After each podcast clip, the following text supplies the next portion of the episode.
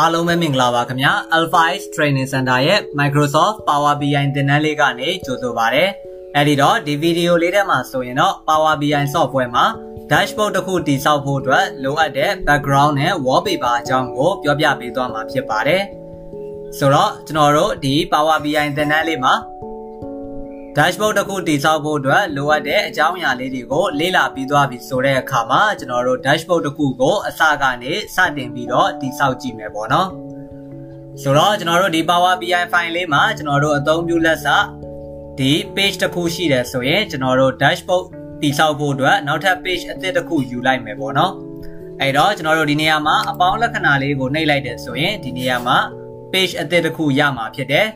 အဲ့တော့ဒီ page မှာကျွန်တော်တို့ dashboard တည်ဆောက်မယ်ပေါ့အဲ့တော့ကျွန်တော်တို့ဒီ dashboard တည်ဆောက်ဖို့အတွက်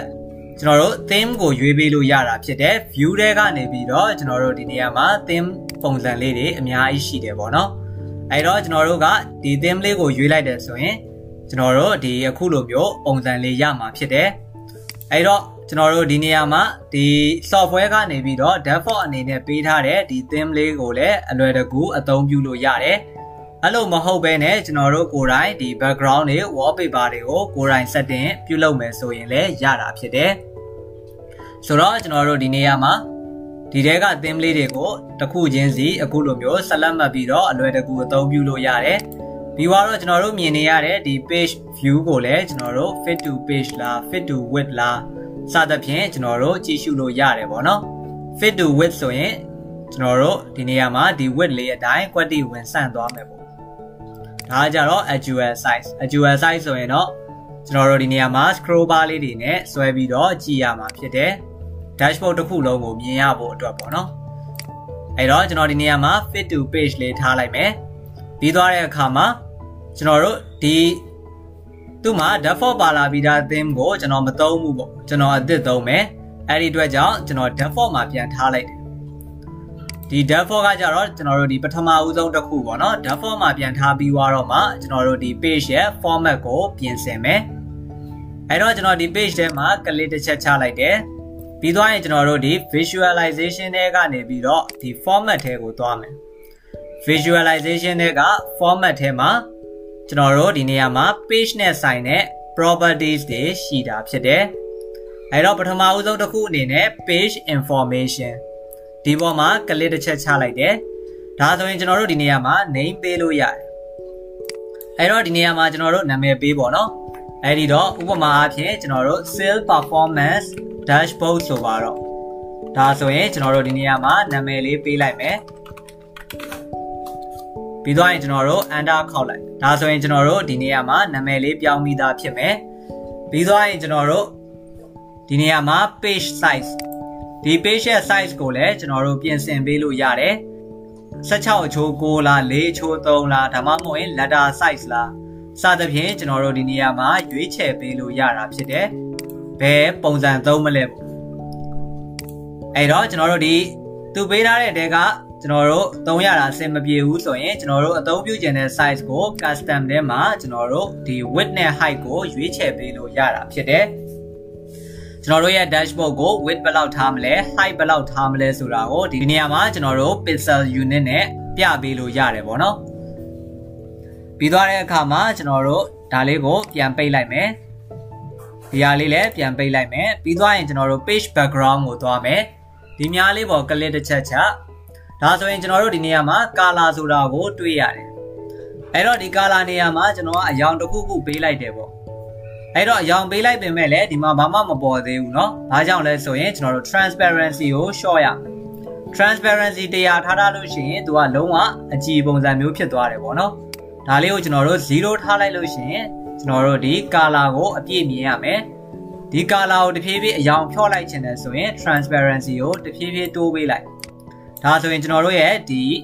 ပေးထားတဲ့ color လေးကအယောင်တဖြည်းဖြည်းဖြော့သွားတယ် ဒါမျိုးပုံစံလေးပေါ့နော်အဆုံးထိထားလိုက်တော့ဘာမှမရှိတော့ဘူးကျွန်တော်တို့လုံးဝဒီအယောင်ကိုလုံးဝမြင်ရတော့မှာမဟုတ်ဘူးပေါ့နော်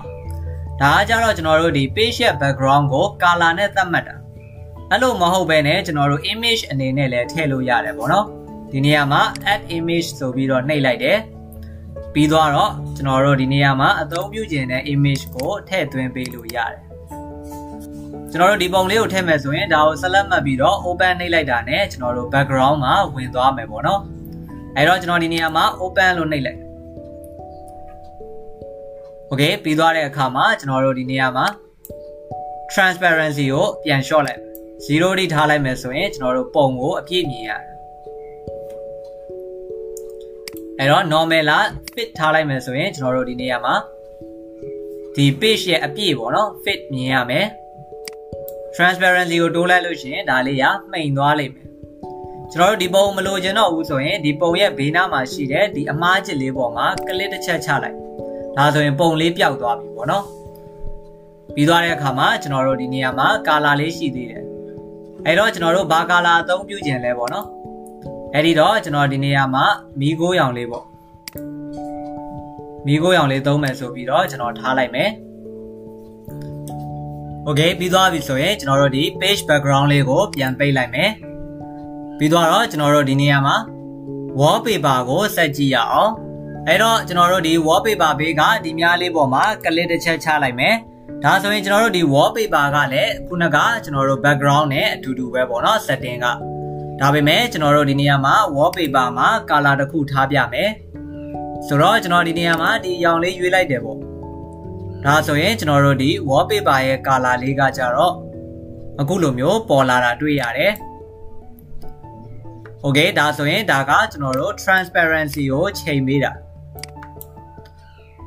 ဒီလိုမျိုးကျွန်တော်တို့ transparency ကိုချိန်ပေးတာဖြစ်တယ်။အဲတော့ကျွန်တော်တို့ဒီအဓိကဒီ wallpaper ရဲ့ color ကကြတော့ကျွန်တော်တို့ဒီအနောက်ဘက်မှာပေါ်ပေးတာဗောနော်။ဒီအနောက်ဘက်မှာပေါ်တဲ့ဒီ color လေးကို ကျွန်တော်တို့ wallpaper လို့ခေါ်တယ်ကျွန်တော်တို့ဒီဘောင်အတွင်းမှာရှိနေတာကကြတော့ background ပေါ့နော်အဲ့တော့ကျွန်တော်တို့ဒီအတွင်းထဲမှာတရောင်ဖြစ်နေတယ်ဒီပြင်ဘက်မှာတရောင်ဖြစ်တာကကြတော့ကျွန်တော်တို့ဒီ background မှာဒီ color ရွေးခဲ့လို့နှစ်ရောင်ရောနေတာပေါ့နော်ဒီအတွင်းထဲမှာအဲ့တော့ဒီထဲမှာဒါကျွန်တော်အဖြူရွေးလိုက်တယ်ဆိုရင်ကျွန်တော်တို့အဖြူလေးကဒီပေါ်မှာတက်ရောက်တယ်အဲ့တော့ကျွန်တော်တို့ဒီ wallpaper နေရာမှာထားထားတဲ့ color ကလည်းဒီ background အတွင်းမှာပေါ်နေတာဖြစ်တဲ့အတွက်ဒီအဖြူရောင်လေးနဲ့ ကျွန်တော်တို့ဒီအယောင်လေးနဲ့ရောနေတယ်ပေါ့နော်အကယ်၍ကျွန်တော်တို့ဒါဒါကို transparency အပြည့်ထားလိုက်ရင်ဒါအဖြူပဲထွက်လိမ့်မယ်ဒီမှာထားတဲ့အယောင်ပဲထွက်လိမ့်မယ်ပေါ့နော်အပြာဆိုရင်အပြာပဲထွက်မယ်အဲ့တော့ဒီအပြာပဲထားရတဲ့အချိန်မှာဒီဘက်မှာဘာမှမရှိဘူးနော်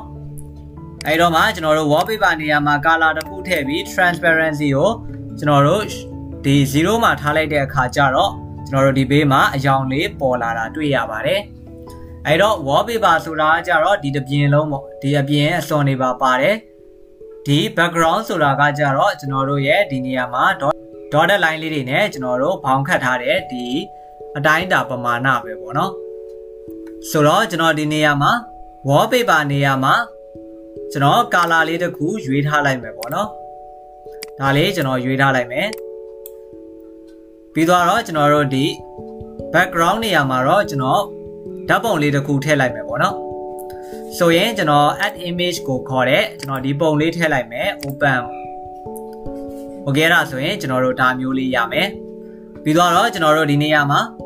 ဒီ image ကိုကျွန်တော်တို့ဒီဘောင်နဲ့ကွက်တိဖြစ်အောင်ကျွန်တော်တို့ fit ဆိုပြီးတော့ထားလိုက်မယ်ဒါဆိုရင်ကျွန်တော်တို့ဒီပုံလေးကကျွန်တော်တို့ရဲ့ဒီ page ရဲ့ layout မှာကျွန်တော်တို့ fit ဖြစ်သွားပြီပေါ့နော်